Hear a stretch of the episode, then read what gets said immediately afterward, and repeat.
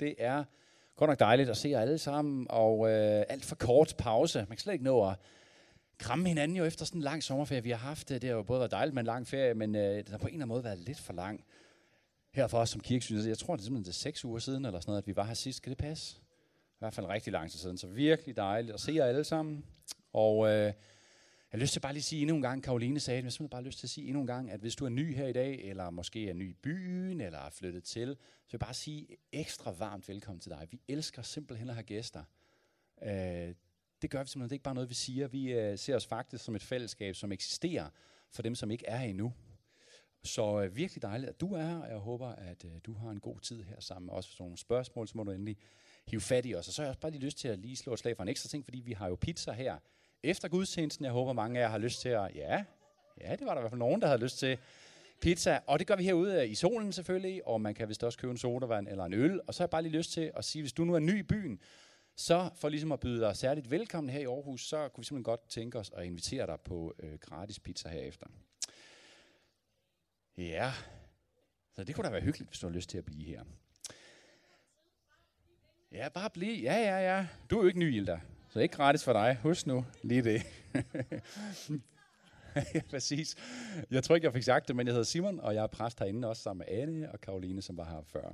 Og øh, vi har som sagt glædet os rigtig meget til at være sammen med jer her. Jeg har sådan den sidste uges tid, øh, eller lidt mere end en uge, 10 dage, haft sådan en helt bestemt sætning fra Esajas' bog, som er sådan en profetisk bog fra det gamle testamente. Der har haft den her helt øh, bestemte sætning på hjernen. Øh, og øh, så simpelthen fornemmet, at øh, det var det, jeg skulle tage med her i dag. Jeg tror på, at den har noget til os her ved begyndelsen på en ny sæson. Første gang vi er sammen her efter sommerferien. Og det er en sætning fra Esajas 52, vers 7, og der står sådan her. Hvor herligt lyder fodtrinene af ham, der kommer over bjergene med gode nyheder. Er det ikke bare en dejlig sætning, eller? det synes jeg så, kan I fornemme. Uh, I kan også prøve at høre den på engelsk en gang, fordi der er den faktisk lidt mere tæt på den hebraiske grundtekst. How beautiful upon the mountains are the feet of him who brings good news. Og hvis du har været her i kirken i lidt tid, så øh, har du helt sikkert uh, lagt mærke til, at uh, vi snakker en del om de gode nyheder her i Aarhus Vinder. Det gør vi, fordi at Bibelen, den her uh, ret gamle, ret mærkelige og også ret fantastiske bog, som vi bygger vores tro og vores teologi på, den kalder selv dens budskab for gode nyheder. Kristendommens budskaber er simpelthen gode nyheder, i hvert fald ifølge Bibelen, og i hvert fald ifølge os selv. Svær så er det nok ikke rigtigt. Det tror jeg, som mange danskere forbinder med kirke og med kristendom. Altså gode nyheder. Jeg tror, de fleste måske tænker lidt mere på ord som moral, eller synd, eller fordømmelse, eller kedelig, eller koldt. Det kan man så i hvert fald ikke sige om den her kirke. Der er i hvert fald ikke koldt herinde i dag. Men altså, den her bog, Bibelen, den insisterer simpelthen på, at dens budskab er gode nyheder. Og ikke bare gode nyheder til nogle bestemte mennesker, altså nogen, som er vokset op med det, eller en specifik befolkningsgruppe, eller folk, som har det virkelig svært og har brug for sådan en krykke, noget ligesom at klynge sig til. Nej, den insisterer faktisk på, at den er gode nyheder til alle mennesker, til alle tider. Og igen og igen så støder vi på det her begreb, når vi læser igennem Bibelen om de gode nyheder. Vi gør det i Gamle Testamente, som her i Isaias, som jeg lige læste før. Vi gør det i juleevangeliet, hvor vi læser om englen, som bringer gode nyheder om en stor glæde. I de fire evangelier, Matthæus, Markus, Lukas og Johannes, der læser vi om det igen og igen, hvordan forfatterne bruger det. Og Jesus selv bruger det her begreb. Der står blandt andet, at Jesus rejser rundt og fortæller de gode nyheder om Guds rige i hele Israel. Og senere efter Jesu død opstandelse, så kan vi læse om i Apostlenes Gerning, hvordan den første kirke, de første kristne gør det samme, nemlig fortæller mennesker de gode nyheder om Guds rige. Og det her ord, de gode nyheder, det er det, som vi kalder for evangeliet. Det på græs, så hedder det evangelion. Og det betyder faktisk gode nyheder. Det kan også være, du har hørt the gospel, det hedder det på engelsk. Ikke? Også det betyder simpelthen gode nyheder. Og jeg tror, at det her det ramte mig, fordi at jeg kunne mærke, at her på dørtaslen til en ny sæson, så er jeg simpelthen brug for at minde mig selv om, hvad er det nu lige, de gode nyheder er. Fordi jeg ved ikke, hvad I synes, men jeg synes simpelthen, det er en mærkelig tid, vi lever i. Vi lever i en tid med kæmpe store forandringer, ikke? også på grund af covid og nu abekopper, politisk polarisering, krig i Europa, tårnhøj inflation, klimakrise, stress og depression og en masse andre ting. Og det kan selvfølgelig godt være, at alle tider er svære eller mærkelige at leve i. Det skal jeg ikke kunne svare på, vel? Men jeg oplever i hvert fald, at vi lever i en tid, som er svær at navigere i. Altså, hvad skal man regne med? Hvad skal man pejle efter? Hvad skal man satse på? Altså, hvordan ser verden ud om bare et år fra nu? Altså, bare for et år siden, så var vi et helt andet sted, ikke? Og ikke mindst, hvad sætter vi vores håb til? Hvad har vi vores håb i? Men Jesus og den her bog insisterer som sagt på at have gode nyheder til alle mennesker til alle tider. Uanset situation, uanset omstændighed, og uanset hvor kaotisk verden ser ud. Og det synes jeg er dejligt. Og inden vi går videre og så dykker lidt mere ned i det her med de gode nyheder, så kunne jeg godt tænke mig bare lige at give jer mulighed for at bare lige reflektere en lille smule over det her personligt. Fordi hvis kristendommens budskab er gode nyheder, hvad er så de gode nyheder for dig? Altså, hvor giver din tro dig håb? Det kan være, du er helt ny i det her med tro og sådan noget. Så kan det være, at du ikke har så meget idé om det. Så kan det være, at du prøver at tænke, okay, hvad er det? Hvor, hvordan kunne det være gode nyheder? Og dig, som er troende eller har været, prøv lige at bruge et minut på og sådan formulere for dig selv, hvad er det lige, de gode nyheder er? Og det er ikke sådan teologisk, jeg tænker på bare lige for at sige det, vel? det er ikke sådan noget, man kunne formulere i eller andet teologi. Nej, det, det må godt være helt konkret i din hverdag. Prøv lige at tænke over det. 10 sekunder.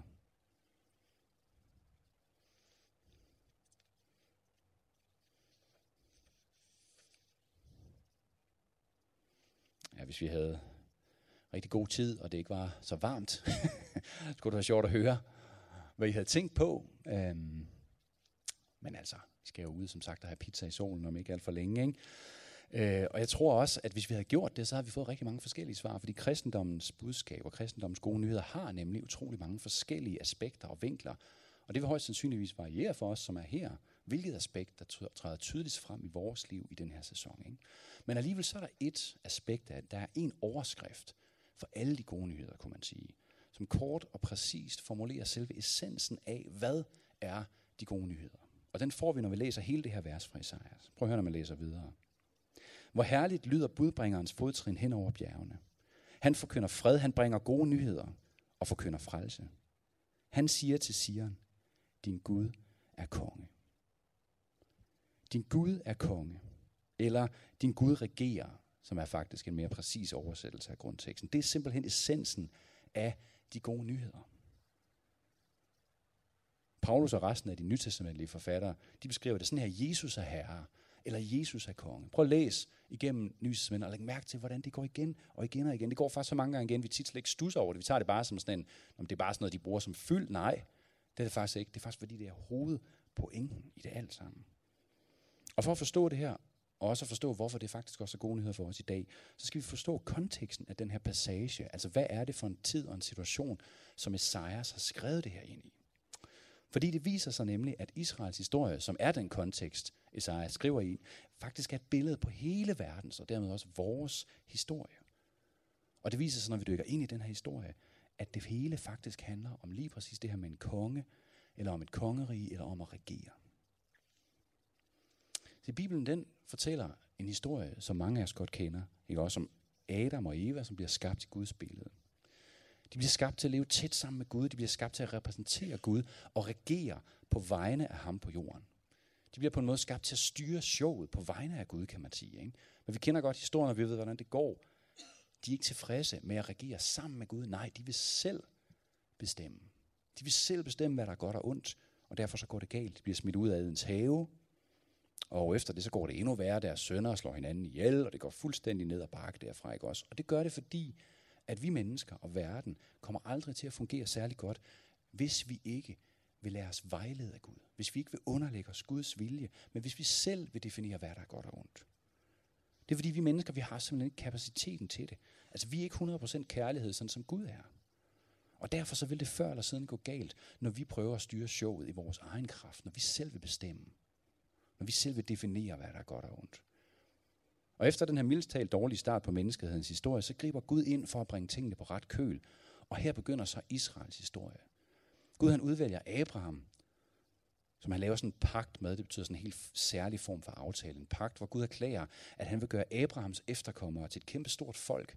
Og ikke bare til et kæmpestort folk, men til et helt særligt folkeslag. Et folk, hvor igennem Gud vil velsigne og genoprette hele verden. Altså bringe hele verden tilbage til det, der var Guds oprindelige tanke.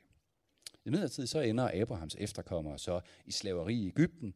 Nogle af jer kan sikkert huske historien. De er ved at blive udryddet af farao, men her griber Gud ind igen, og han redder dem fra faraos slaveri og fra folkemord. Derefter så leder han dem ud i ørkenen, ud til Sinai bjerg, hvor han giver dem de ti bud, de her tavler, og det bud, som skal konstituere dem som hans særlige folk. Altså det vil sige det bud, som skal kan man sige, gør Israel til et helt særligt folk, som adskiller sig fra alle andre folkeslag. Første bud, som I måske kan huske, er jo netop det her med, at du må ikke have andre guder end mig. Det vil sige, at det skal være Guds eget folk. Det der er ved det, det er, at det her med de her bud og de her love, det handler netop om det her med, at Guds vilje sker i verden. Det er Guds måde på den her måde, og så sørge for, at hans vilje, hans perfekte, gode, kærlige vilje, sker i Israel. Det er derfor, de skal være hans folk. Vi kender de fleste af de her bud, ikke også? Du må ikke slå ihjel, du må ikke stjæle, du må ikke vidne falsk. Mange af de her ting er noget, som vi ligesom regner som pretty standard, men det var det faktisk ikke dengang. Det var det faktisk ikke dengang. Og derfor så gik det også godt i lang tid for Israel, særligt under kong David og kong Salomon. Der kom de virkelig ind i en periode med shalom, som er det her israelske ord, som betyder fred og velstand og vækst. Der herskede retfærdighed. Folk havde det godt. Det var ligesom the good life på en eller anden måde. Men det holdt ikke så lang tid. Fordi kongerne efter David og Salomo, de ville gøre noget andet. De gjorde igen, kan man sige, oprør mod Gud. De ville ikke lade Gud vejlede dem. De ville ikke lade Guds love styre deres valg og deres handlinger. Det spredte sig til hele folket, og det gik ikke særlig lang tid før det stod fuldstændig skidt til. Det var ikke retfærdighed, der herskede. Det var ikke godhed. Og Israel begyndte at tage sådan nogle fuldstændig vanvittige, øh, forfærdelige skikke til sig fra nogle af de andre øh, lande omkring dem. For eksempel sådan noget med at ofre babyer til afguder. Altså helt forfærdeligt. Og da det går så vidt, så består Israel som nation heller ikke særlig lang tid. De bliver angrebet, de bliver indtaget af flere forskellige nabolande på skift, og slutlig så bliver de så invaderet af babylonerne, som var den tids supermagt, som ødelægger deres tempel, det her hellige sted. Det sted, hvor Gud selv var til stede, ikke? også hvor hans nærvær var. De brænder Jerusalem, hovedstaden, helt ned til grunden. Og de tager langt størstedelen af folket med sig tilbage til Babylon som krigsfanger, for de skal bo i eksil i Babylon. Og lige her, og det er grunden til at rise historien op, der er det så, at Esajas, han profeterer. Lige ind i den her situation, der er det, at Esajas' bog udspiller sig. Fordi han skriver til de jøder, som er left, eller kan man sige left behind, skulle jeg sige, eller som er ladt tilbage i Jerusalem. De få jøder, som er tilbage i ruinerne. Tilbage i støvet. Så stør, langt størstedelen af folket er taget med. De er eksil. Men der er nogle få, som er ladt tilbage. Og prøv at tænke på, Hvordan tror du, de har haft det, som de gik rundt der i deres ødelagte by? Altså, hvad tror du, de har konkluderet? Hvor meget håb tror du, de har haft for fremtiden? De, som var Guds udvalgte folk, ikke også? Det folk, som Gud selv havde udset sig. Det folk, hvor hans herlighed, hvor hans hellige og livgivende nærvær havde taget bolig i templet. De var det folk, som Gud havde velsignet, for igennem dem at velsigne og genoprette hele verden. Og de havde nu fejlet så fuldstændigt, at ødelæggelsen var total. Guds herlighed havde forladt templet. Alting lå i ruiner. Størstedelen af folket var taget i fangenskab i Babylon. Som slaver, som krigsbytte. Altså hvis det var mig, der var gået rundt i det der, så tror jeg nok, jeg havde konkluderet, det var det. Gud har fået nok. Altså endelig havde han fået nok. Ikke? Det kan godt være, at han har været en trofast Gud igennem århundreder. Båret over med Israel, som har gjort den ene af dumme ting efter den anden og sådan noget. Men altså, prøv at kigge omkring. Det er slut. Gud har forladt os. Vi er overladt til vores egen skæbne. Jeg ved ikke med dig, men rigtig tit, når jeg kigger ud på verden, eller scroller ned over min Facebook, så kan jeg faktisk godt blive ramt af lige præcis den fornemmelse. Hver gang der sker noget nyt forfærdeligt, ikke? sådan som da krigen brød ud i februar i Ukraine, eller som da covid ramte hele verden tilbage i marts, eller som folkemordet i Rwanda, som nogle af jer måske kan huske, i 94 for 800.000 afrikanere blev slået ihjel, fuldstændig brutalt myrdet, bare for at være dem, de var. Ikke? Altså hver gang sådan noget som det sker, så bliver jeg ramt af den her fornemmelse. Gud har fået nok af os. Han har fået nok af vores egoisme og vores ondskab og han har forladt os. Vi er overladt til os selv, og verden er langsomt, men sikkert bare på vej nedad. Ikke? Så hvorfor skulle der være nogen grund til at håbe? Og ved I hvad, det er faktisk ikke kun, når jeg kigger ud på verden, at jeg bliver ramt af det her. Det sker også igen og igen i mit eget liv. Når en eller anden gammel indre kamp, som jeg troede, jeg havde overvundet, pludselig stikker sit grimme hoved op igen. Ikke? Jeg føler mig bare sådan slået hjem i ludo, det ved jeg ikke, om du kender. Eller når mit ego, eller min stolthed, eller min frygt for at tabe ansigt er stærkere end min kærlighed til min familie, eller til mennesker omkring mig. Og jeg ender bare med at opføre mig jeg ved, på en måde, hvor, som jeg ikke er stolt af. Jeg ender med at være et menneske, som jeg ikke vil være. Jeg vil gerne være en bedre mand. Og lige der, så bliver jeg ramt af præcis den samme følelse. Gud har forladt mig. Gud har endelig givet op med mig. Ja, han har prøvet lang tid og sådan noget, men altså nu, nu må han da have fået nok. Lige præcis sådan tror jeg, at israelitterne havde det, sådan som de gik rundt der i støvet, i murbrokkerne, for deres engang så glorværdige hovedstad i Jerusalem. De var skamfulde, de var slagende, de var usle, de var uden tro, de var uden håb. Men lige præcis ind i den her situation er det så, at en gammel, skaldet profet, og derfor det var min, forestiller mig, ikke? ved navn Esajas med et langt skæg, eller jeg ved det ikke. At han bliver mødt af Gud, og han får et budskab til dem. Og han stiller sig op i de der ruiner. Ovenpå det højeste, der er tilbage af en eller anden bymur. Så står han der, og så råber han ud over dem. Måske står han ovenpå resterne af fundamentet af det ødelagte tempel. Og så råber han til dem. Prøv at høre hele kapitel 52, som det her vers er fra. Vågn op, vågn op. Ifør dig din styrke, siger han. Siger han er et synonym for folket i Israel. Ifør dig din festdragt. Jerusalem, du hellige by. Ryst støvet af dig. Rejs dig, du fangne Jerusalem. Løs dine halslænger, halslænger du fangne Sions datter. For dette siger Herren, I blev solgt for intet. Det er altså det er slaveri, ikke også, han hentyder til. Og I skal løskøbes, men ikke for penge. Så prøv at se, hvis vi hopper til vers 7. Hvor herligt lyder budbringerens fodtrin hen over bjergene. Han forkynder fred. Han bringer gode nyheder og forkynder frelse. Han siger til Sion, din Gud er konge. Og prøv så at høre, hvordan det fortsætter. Hør, dine vægtere løfter røsten. De jubler i kor, for med deres egne øjne ser de Herren vende hjem til Sion. Og det billede, som Esajas bruger her i den her historie med de her vægter, ikke også, det er faktisk, det vægter, det kan man sige, ligesom vagter, hvis I forestiller jer, øh, øh, kan man sige, sådan en oldtidsslot, det, det er faktisk ligesom dem, som går rundt på bymuren, ikke, og så spejder i det fjerne. Så går de rundt der på den ødelagte bymur, og de spejder ud i det fjerne efter hjælp, efter håb, efter gode nyheder med et eller andet, et eller andet, som kunne ændre deres situation. Så pludselig så ser de ham helt ude, budbringeren, som kommer løbende hen over bjergene med de gode nyheder. Din Gud er konge. Din Gud regerer. Din Gud har ikke forladt jer. Din Gud er stadig med jer. Og han kommer til jer for at regere i kærlighed, så alting en dag bliver godt igen. I er ikke efterladt faderløse til jeres egen skæbne. Nej, Gud er med jer, og han vil sende en mand, som på en gang er en budbringer, en som kommer med de gode nyheder, og som på samme tid er de gode nyheder. Fordi han er ikke bare en budbringer. Fordi hvorfor er det, prøv at lægge mærke til det, hvorfor er det, at vægterne jubler? Det er ikke bare, da de hører nyhederne, vel nej, for med deres egne øjne ser de Herren vende hjem til Sion. Det er Gud selv, som kommer hjem til sit folk. For at bo sammen med dem. For at bo hos dem. For at regere i kærlighed, så alting kan blive godt igen. Og vi ved i dag, hvem den mand var. Ikke også? Den mand, som både var en budbringer, og som var Gud selv.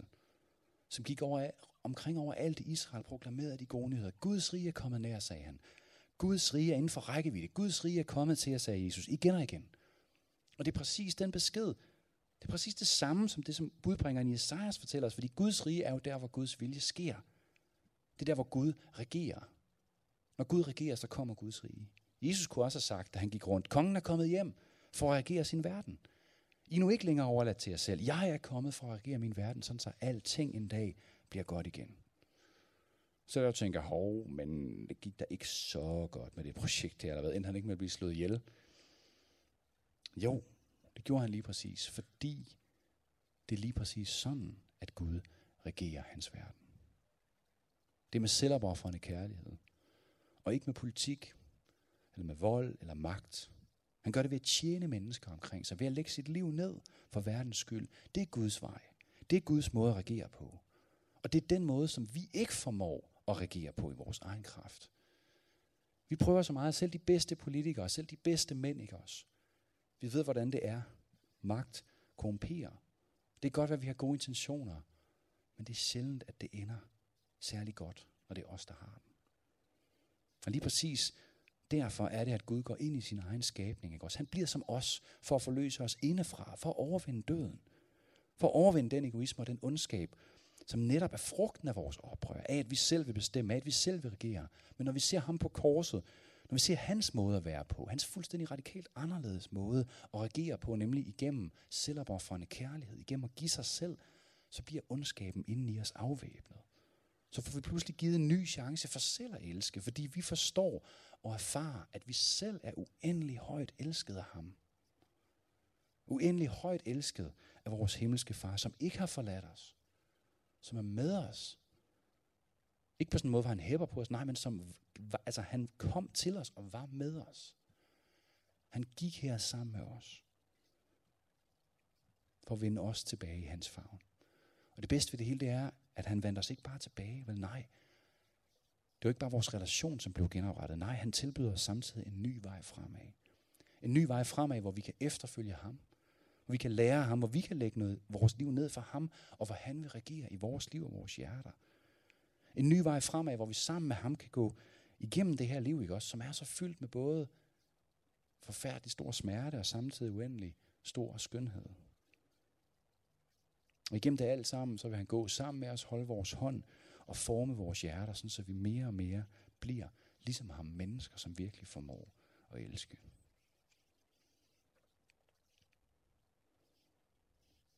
Det er fordi pointen er, hvis I husker på det her med de 10 bud og alle de øvrige love og regler, som Israel fik, det er, at det nytter ikke noget bare med regler eller love eller ideologier, som vi så prøver at leve op til. Vi kan tage sammen alt det, vi vil. Det lykkes ikke. Det er også derfor, det ikke gik med Israel. Nej, det der er problemet, det er jo, det er vores hjerter, som har brug for at blive forvandlet. Vores hjerter har brug for at blive forvandlet. Ikke? Det er sådan her med os mennesker, og det er faktisk både for os, som er inde i kirken, og for folk, som er ude i verden, det er, at we want the kingdom without the king. Vi vil gerne have frugterne af Guds rige alle sammen. Ikke? Vi vil gerne have frugterne af, at Gud regerer, at Gud sidder på tronen, nemlig fred og retfærdighed og frihed og glæde og velstand og håb. Alt det, ja, ja, ja. Men vi har det straks lidt sværere med at lade Jesus regere i vores hjerter og i vores liv. Ja, Gud elsker mig som en god far. Helt sikkert. Jesus er død for mig for at tage min skyld og min skam.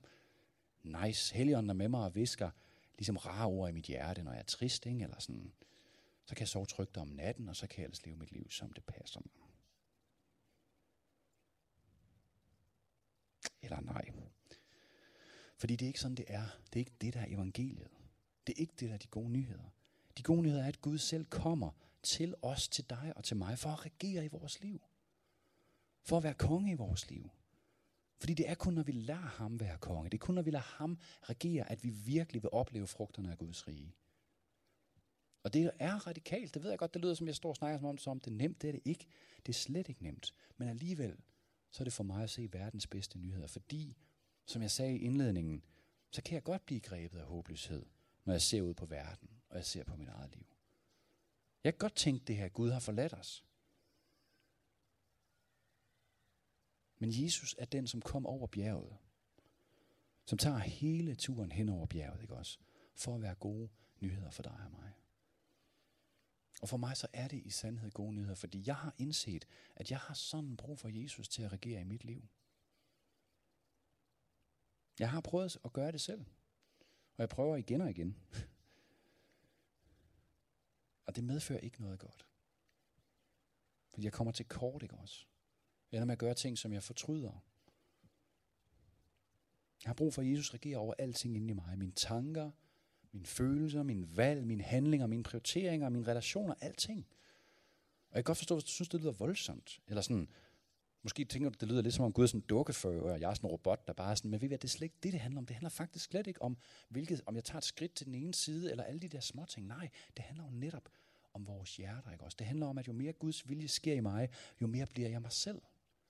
Når han former mit hjerte, altså, så det er det, der sker, ikke også? Så jeg bliver mere som Jesus, jeg bliver mere som den, jeg er skabt til at være. Jeg bliver mere som det menneske, som jeg gerne faktisk vil være, som det menneske, jeg længes efter at være. Gud han er ude efter vores hjerter. At vores hjerter bliver formet efter hans. Ikke også? Sådan, så de bliver hjerter af kød og blod. Hjerter, som er fuldt ud i stand til at elske. Og så derfra kan vi vælge at handle og prioritere alle de der ting, ikke også? Jeg har brug for at høre det her igen og igen og igen, fordi det er svært, det er kontraintuitivt. Det er præcis det samme i mig, som det var i Adam og Eva. Det er præcis det samme. Jeg har brug for at høre det hver eneste dag. Og ved hvad verden har brug for? At du og jeg giver det videre til dem. Verden har brug for, at vi er dem, som kommer over bjerget med de gode nyheder. At Jesus er konge. At Gud ikke har forladt os. Men tværtimod kommer, at han kommer til os over bjerget gennem døden. For at tage bolig og for at regere i vores hjerter. For at hjælpe med, med vores liv. Ikke? For at vejlede os. Jeg er ved at være færdig. Jeg ved godt, det er virkelig varmt. Jeg har det i hvert fald. Er der nogen, der har? Ja, okay. Nogen, der har det varmt. Det er Helion. Nej, det er det ikke. det er faktisk bare solen. Jeg tror, jeg har lyst til at sige øh, til sidst her, at hvis du er og aldrig har taget det her skridt, og aldrig har sagt til Gud, Jesus, jeg vil faktisk gerne åbne mig for, at du bliver konge i mit liv, så vil jeg virkelig invitere dig til at gøre det.